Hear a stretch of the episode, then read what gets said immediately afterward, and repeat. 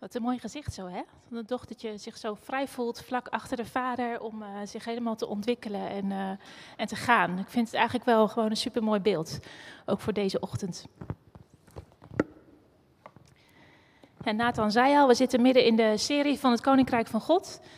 En ik kreeg de dubieuze eer om te spreken over de verzoeking in de woestijn. En toen ik die, uh, dat tekstgedeelte opkreeg, want dat gaat dan een, een, aantal weken van tevoren zijn ze aan het voorbereiden over nou, welke thema's, welke sprekers. En toen kregen we een mailtje van, nou wil jij dan dit gedeelte doen? En mijn eerste gedachte was, oh nee, niet dat gedeelte. En uh, ik heb dit altijd een moeilijk thema gevonden. En misschien wel een beetje omdat ik, uh, ik ben opgegroeid in de kerk, in de vergadering van gelovigen. En er was bijbelkennis ontzettend belangrijk. En ik heb best regelmatig preken gehoord over dit onderwerp. En altijd als uh, de verzoeking in de woestijn langskwam en het ging over alles wat daar gebeurde, was bij mij altijd de conclusie van, oh, maar wat nou als de duivel voor je neus staat en hij stelt je een vraag en je weet het goede antwoord niet? Want Jezus was zo precies in de dingen die hij teruggaf in die, uh, in die gebeurtenissen. En was zo, um, zo vol van God. Maar het kwam ook best een beetje nauw. Dat ik dacht, wat nou als ik het niet goed heb? Wat als ik het niet goed doe? Wat, wat, hoe wist Jezus nou precies wat hij moest zeggen? Uit al die Bijbelteksten die hij had kunnen noemen, dat hij gelijk zo scherp was om te zien van ja, maar wacht eens even, het klopt niet om dat. En um, pas toen ik in dit onderwerp ging verdiepen, toen besefte ik hoe, uh, hoe diep dat eigenlijk een beetje naar binnen was geslopen, ook bij mij. En hoe die, hoe die angst om het soms verkeerd te hebben of niet goed te hebben, zomaar van invloed kan zijn op een heleboel dingen uh, die je doet. Dus ik ben echt begonnen met uh, te gaan bidden van Heer, wilt u mij met nieuwe ogen naar dit verhaal laten kijken? En wilt u er uitlichten wat voor vandaag is, wat voor mij is, wat u mij door dit verhaal heen wil leren, maar ook voor de gemeente. Dus ik wil eigenlijk gewoon even beginnen met een kort gebed. Want ik besefte me ook dat zoals ik um, uh, al een idee had bij deze tekst, of al een gevoel had bij die tekst, en het helemaal niet zo leuk vond dat dit langskwam en dat ik het een moeilijk onderwerp vond, dat jullie misschien ook wel een beeld hebben bij de tekst. Of je staat er helemaal blanco in, of je bent heel positief, of je denkt er van alles bij. Maar ik wil eigenlijk gewoon even bidden voor ons allemaal. Uh, dat God ons nieuwe, uh, nieuwe woorden geeft en nieuwe eye-openers geeft bij, uh, bij wat er vanochtend langskomt. Dus vader, ik wil gewoon bidden in de naam van Jezus. Heer, dat u ons helpt om ons hart open te doen, mijn eigen hart ook, voor wat u vanochtend wil spreken. Heer, en ik bid dat, dat dit verhaal, wat zo aan het begin staat van de bediening van de Heer Jezus, dat dat gewoon op een nieuwe manier bij ons mag binnenkomen. En dat u er nieuwe dingen uit wil lichten voor ons eigen leven, voor ons als gemeente en uh, voor wat we ermee kunnen doen, Heer. In Jezus' naam. Amen. Goed, laten we eerst maar het gedeelte even lezen. En uh, zoals gezegd, het staat in Matthäus 4. En de tekst is gesitueerd eigenlijk vlak aan het begin van de bediening van de Heer Jezus. Aan het eind van hoofdstuk 3 zien we dat de Heer Jezus gedoopt wordt. Johannes de Doper was de de, ja, de aankondiger van de Heer Jezus en hij doopte de mensen met water. En hij zei, na mij zal er iemand komen die doopt met de Heilige Geest en met vuur. En uh, de Heer Jezus kwam zelf naar hem toe en Johannes wilde hem eigenlijk niet dopen, maar de Heer Jezus zei, nee, doe het nou maar, want het moet gebeuren. En dan eindigt het derde hoofdstuk met dat hele mooie moment dat Jezus omhoog komt uit het water en dan gaat de hemel open en dan staat er en de Heilige Geest kwam als een duif naar beneden. En de Heer Jezus hoorde een stem, de stem van de Heere God, van zijn vader, die zei, dit is mijn geliefde zoon en in hem vind ik vreugde. Dat is de, de basis en het fundament wat eigenlijk ook onder dit verhaal ligt. En, en daarna het volgende vers, dan begint hoofdstuk 4 en uh, daar gaan we nu uh, lezen met elkaar. En dan staat er daarna, werd Jezus door de geest meegevoerd naar de woestijn, om door de duivel op de proef gesteld te worden. En nadat hij veertig dagen en veertig nachten had gevast, had hij grote honger. Toen kwam de beproever naar hem toe en die zei: Als u de zoon van God bent, beveel die stenen dan in broden te veranderen. Maar Jezus gaf hem ten antwoord: Er staat geschreven: De mens leeft niet van brood alleen, maar van ieder woord dat klinkt uit de mond van God. Vervolgens nam de duivel hem mee naar de heilige stad zette hem op het hoogste punt van de tempel en zei tegen hem: Als u de zoon van God bent, spring dan naar beneden.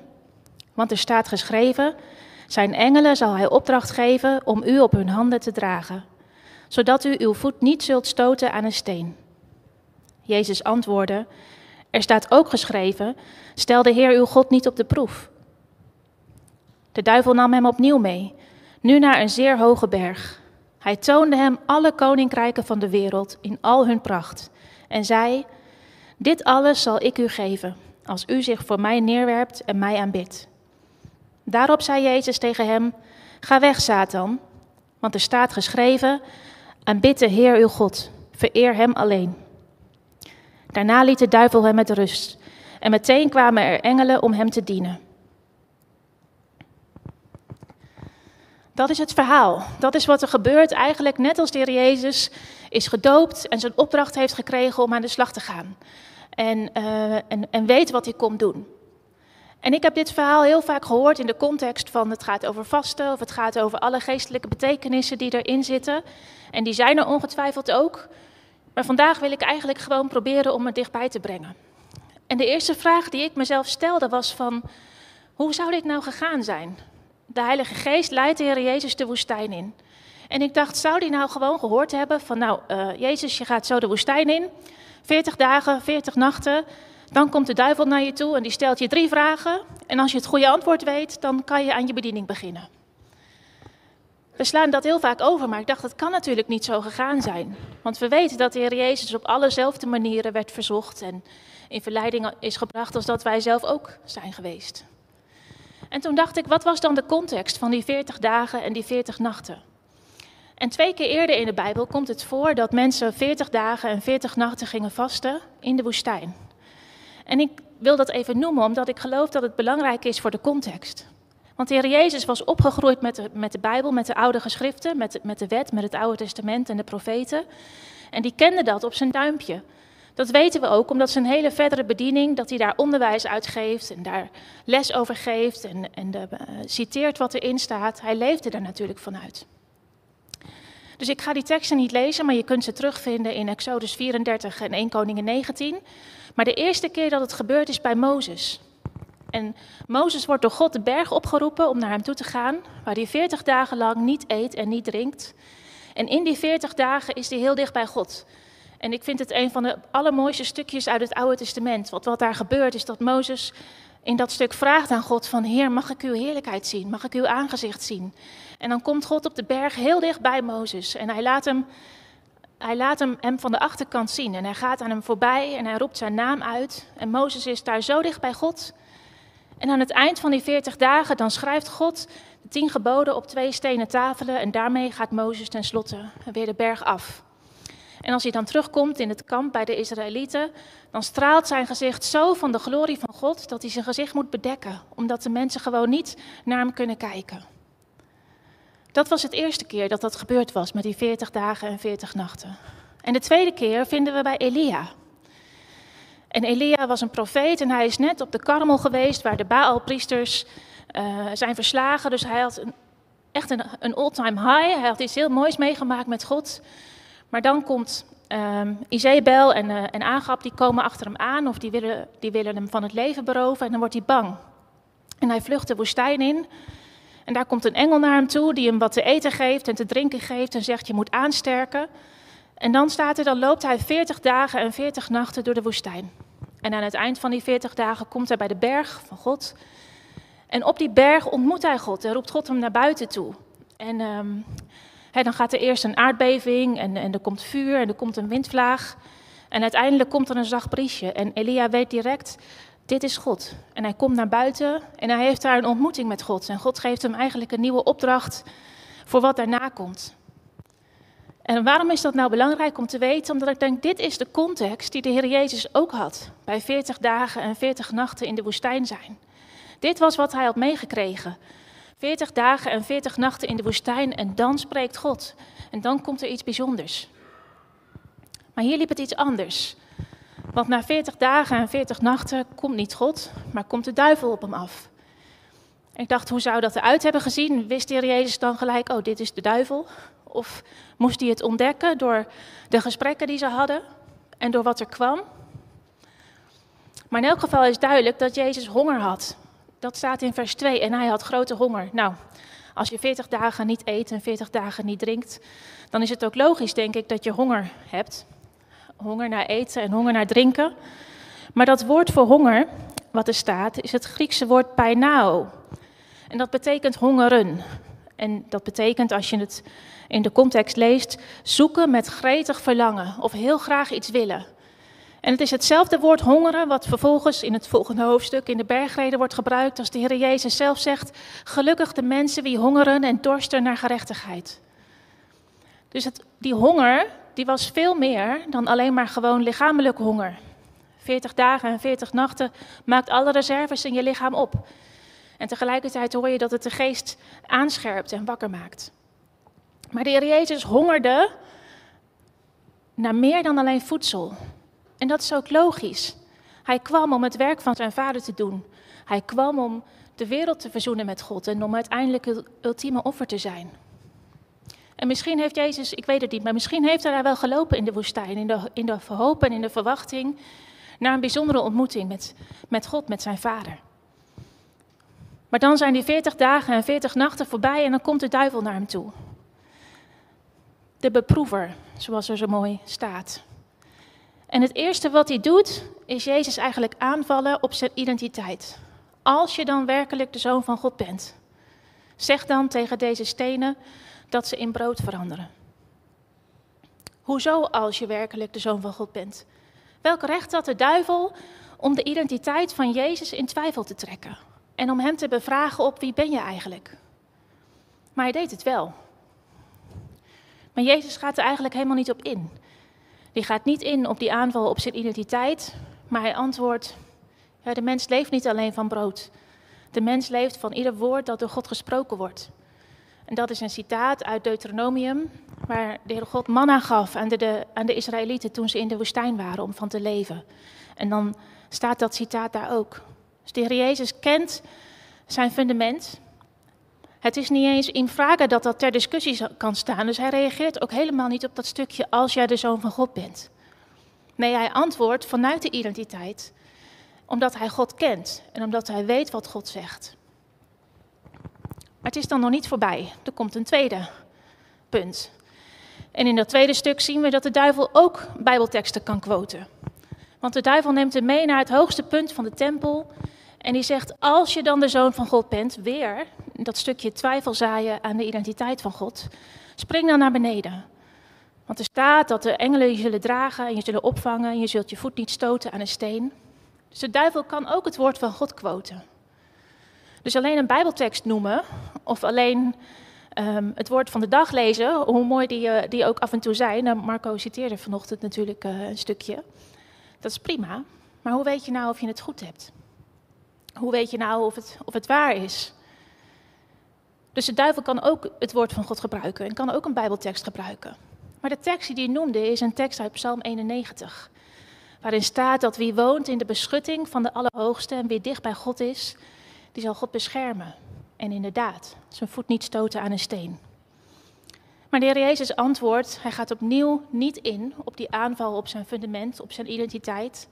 En hij laat zich ook niet van de wijs brengen door het verkeerd citeren van een Bijbeltekst in een compleet andere context. Hij reageert eigenlijk heel rustig door te zeggen, maar er staat ook geschreven dat je de Heer je God niet moet verzoeken. En dan is het nog niet voorbij. Want de duivel neemt Jezus mee naar een hoge berg. Ik weet niet of dat allemaal in een visioen is geweest of hoe dat letterlijk heeft uitgezien. En hij laat hem alle koninkrijken van de wereld zien. In al hun pracht en hun praal. En dan zegt hij zo mooi: Dit allemaal kan ik aan jou geven. Als je voor mij neerknielt en mij aanbidt. Ik denk, nou, als het nou nog niet duidelijk was, dan was het nu wel duidelijk. En dit is ook de eerste keer dat Jezus de duivel rechtstreeks aanspreekt en ontmaskert. En hij zegt: Ga weg, Satan. Ineens noemt hij hem bij de naam. En ineens is, als er al enige twijfel was over met wie hij in gesprek was, dat het niet God was, maar dat het iemand anders was, dan wordt het hier wel duidelijk. En hij zegt: Ga weg, Satan. Want er staat geschreven: Aanbid alleen de Heer uw God. En vereer hem alleen. En dan gaat de duivel ook weg. En dan verdwijnt hij. En dan uh, komen er onmiddellijk engelen naar Jezus toe om hem te verzorgen en om hem te, om hem te dienen. Zoals er zo mooi staat. En opnieuw, de aanvallen die er kwamen, die waren op de identiteit en op het fundament. En ja, het is heel belangrijk dus dat je de Bijbel kent en dat je het woord van God kent en dat je weet wie je bent. Maar in de eerste plaats, en Matthew Henry, een, een Bijbelonderzoeker, een theoloog, die zei het eigenlijk heel mooi en die schreef: De bevestiging dat jij een kind van God bent, is de ultieme basis om elke, aanval en elke verleiding te weerstaan. En dat is eigenlijk wat de Heer Jezus hier aan ons laat zien. Hij liet zich niet van de wijs brengen, hij liet zich niet in het nauw brengen, maar hij wist, hij antwoordde steeds vanuit dat fundament. Hij liet zijn identiteit als de zoon van God niet in twijfel trekken, maar hij antwoordde daar vanuit. En vanuit zijn relatie met God kwamen de antwoorden. En je kunt nog zo hard studeren of nog zo hard Bijbelteksten kennen en noemen, maar als die fundament van die relatie met God en dat God jouw vader is en jou zijn kind noemt, daar niet onder ligt, dan verlies je het en dan raak je het kwijt. En ik zat na te denken, wat zijn nou die valkuilen die ik, die ik herken als ik de drie momenten lees dat de duivel Jezus eigenlijk zeg maar, bij de hand neemt? En ik dacht in de eerste plaats die identiteit. Wat gebeurt er als iemand mij aanroept op van, uh, ja Aniek, je bent dan wel de nieuwe leidinggevende in jouw hotel, maar als jij dat dan echt bent, doe dan, doe dan zus of doe dat dan zo. Als jij het nou echt bent, Aanvallen die komen op wie jij bent, die je aan het twijfelen maken over wie je bent en wat je doet. Die maken dat je misschien wel wil bewijzen dat je het echt waard bent, dat je goed genoeg bent. De tweede keer dat de duivel de, de Bijbel quote, eigenlijk, het aanval op wat daaronder ligt, op het woord van God. De aanval op de belofte die God misschien aan je heeft gedaan. De dingen die hij heeft gezegd dat hij zou doen. Twijfelen of het woord van God wel echt waar is. En of het ook voor jou is, waar is. En een derde stukje over de koninkrijken van de wereld. Dat gaat natuurlijk over macht. En het gaat over je eigen dromen. Wat nou als het allemaal even duurt voordat je de dingen van God werkelijkheid ziet worden? Wat nou als het even duurt voordat je zicht hebt op wat God aan het doen is?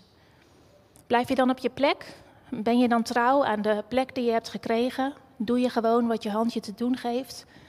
Of neem je de binnenbocht en neem je het recht in je eigen hand en kies je je eigen weg om te gaan? Ben je ongeduldig? Het zijn de dingen die daar volgens mij ten onder liggen. En ik weet niet hoe het met jou zit, maar ik herkende ze eigenlijk allemaal.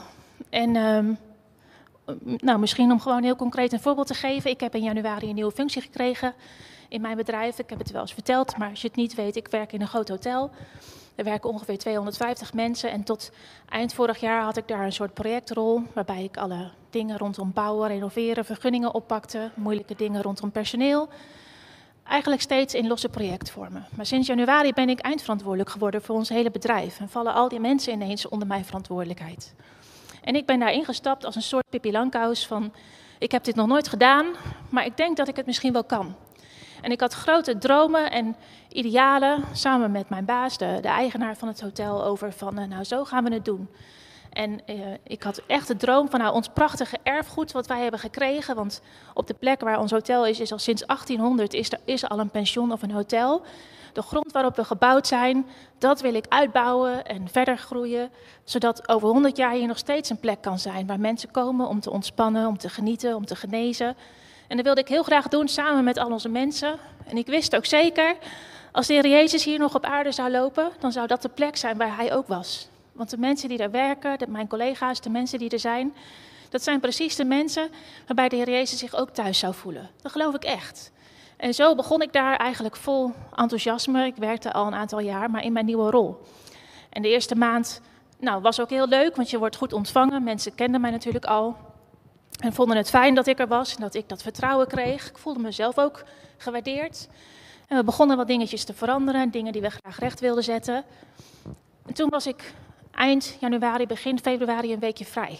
En uh, ik had al een hele lange tijd al doorgewerkt, dus ik vond het heerlijk om even een weekje uit te pluggen. En moest ik ook loslaten wat daar natuurlijk allemaal gebeurde. En ik kwam na die week terug en de eerste dagen, de ene na de andere leidinggevende kwam naar me toe om van alles te vertellen over wat er in de week gebeurd was en allerlei gedoe. En ik dacht, al die dingetjes die we net in werking hadden gezet en die we net waren begonnen, het lijkt wel alsof, alsof het helemaal weg is. Eén weekje weg en alles uh, valt neer. En um, misschien toch onzeker als ik ook soms ben of was, Ik ging gelijk twijfelen. Ja, zit ik dan wel op de goede plek? Zie je nou wel, ik heb ook geen horeca-ervaring. Wat doe ik hier eigenlijk? Ze hadden beter iemand anders kunnen vragen. Of zal ik maar gewoon het opgeven en iemand anders het laten doen? Want het lukt me nooit om al die problemen op te lossen. En fijn, we hebben de lockdown gehad, we kunnen weer beginnen, maar nu hebben we lang niet genoeg personeel. Waar gaan we dat ooit vinden? En ik raakte wel een beetje ontmoedigd. En ik probeerde mezelf wel op te peppen. Nou, je bent ook net begonnen, kom op. Maar ik vond het toch moeilijk. En voor je het weet, zijpelt zoiets gewoon naar binnen toe. En dat deed het bij mij ook wel. En ik bidde. Ik dacht, kom op, Heer, kunt u me een teken geven dat u er echt bij bent? Want dat had u al lang beloofd. Wilt u iets bijzonders doen? Wilt u een glimpje geven? Maar het bleef toch maar stil.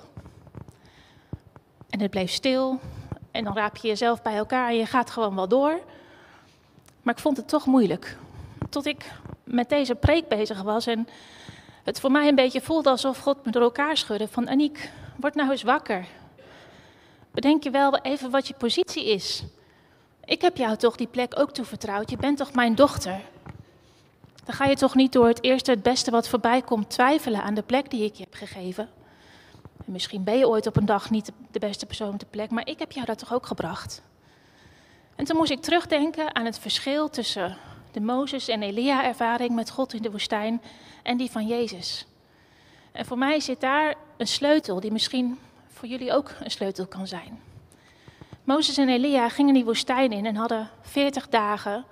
En aan het eind van die 40 dagen sprak God iets heel groots. En deed God iets vet bijzonders. En zo kan het voor mij soms ook aanvoelen dat ik door, soms door een woestijnperiode of door een moeilijke tijd heen ga, maar ik verlang zo naar dat hart van God. En daar leef ik ook voor. Ik wil niets anders dan mensen bij dat hart van de Vader brengen, omdat als je in de aanwezigheid van God bent, dan gebeuren er altijd mooie dingen. Dat ik dacht, als je daar maar bent, en dan zoek ik dat dus voor mezelf ook. Aan het eind van zo'n woestijnperiode, dat God langs zij komt en iets heel bijzonders doet en je weer even helemaal op je plek zet. Maar toen moest ik denken aan hoe het ging bij de Heer Jezus. En bij de Heer Jezus was die situatie precies andersom. God kwam niet aan het eind van die 40 dagen met iets heel bijzonders. Nee, aan het eind van die 40 dagen gaat Jezus gewoon aan de slag. En hij begint te verkondigen en hij begint mensen te genezen en te herstellen. Aan het eind van die 40 dagen ging niet de hemel open en kwam de Heilige Geest als een duif naar beneden. Nee, dat was aan het begin. Dat was voordat dat gebeurde. De Heer Jezus had zijn roeping al gekregen. De Heer Jezus had zijn plek al gekregen. De hemel was al open gegaan en hij had gehoord: Jij bent mijn geliefde zoon. In jou vind ik vreugde. En dat is de identiteit van waaruit je mag vertrekken. Vanuit waar ik dus ook mag vertrekken in mijn werk. Niet steeds weer op zoek naar van ja, maar is het dan wel goed genoeg of ben ik het dan wel? Nee, gewoon weer terug. Daar was je begonnen. En de duivel kan langs zij komen en dat doet hij ook. Want je probeert het ook nog te bagatelliseren als, nou ja, het zijn mijn eigen twijfels of dingen.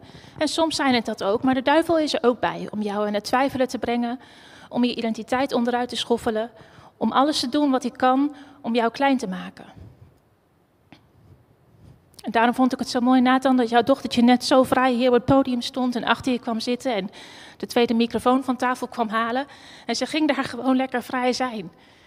En ik dacht, dat is misschien wel de mooiste les. En de mooiste les ook voor mij. Zo mag jij gewoon achter die hemelse vader gaan staan en het leven ingaan en, en gaan staan. Omdat hij jou je identiteit heeft gegeven. En omdat dat is wie je mag zijn. En mijn, terug naar mijn angst om de verkeerde Bijbeltekst te citeren, of het misschien wel theologisch niet altijd bij het goede eind te hebben, of om het verkeerd te doen. Dat zijn allemaal onrustdingen die alleen maar komen als ik überhaupt twijfel aan wie ik ben en naar de identiteit die God mij heeft gegeven. Terwijl als ik vertrek bij, bij de waarheid dat de Heer Jezus incognito kwam als God en mens werd op aarde en stierf aan dat kruis. En uit de dood opstond en de weg tussen God en mij vrijmaakte, waardoor Hij nu in mijn hart woont en de Heilige Geest in mij woont. Als dat mijn vertrekpunt is, net zoals het het vertrekpunt van de Jezus was, wat kan mij dan wat aandoen en wat kan mij dan raken?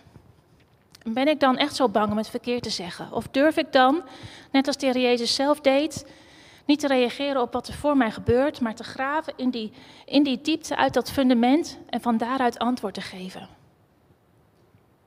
Je hebt niet het recht om mijn identiteit ter discussie te stellen. Duivel. Dat recht heb je niet. Je doet het misschien wel, maar je mag het ook gewoon negeren. En ja, soms doen er dingen pijn en soms is het lastig. Dat is ook waar, dat hoort ook bij het leven. En nee, je moet het ook niet altijd negeren en maar over je heen laten gaan. Maar jouw identiteit ligt verscholen diep in wie je bent. En dat ligt die bij mij ook. En als je daaruit put, mag je verder gaan.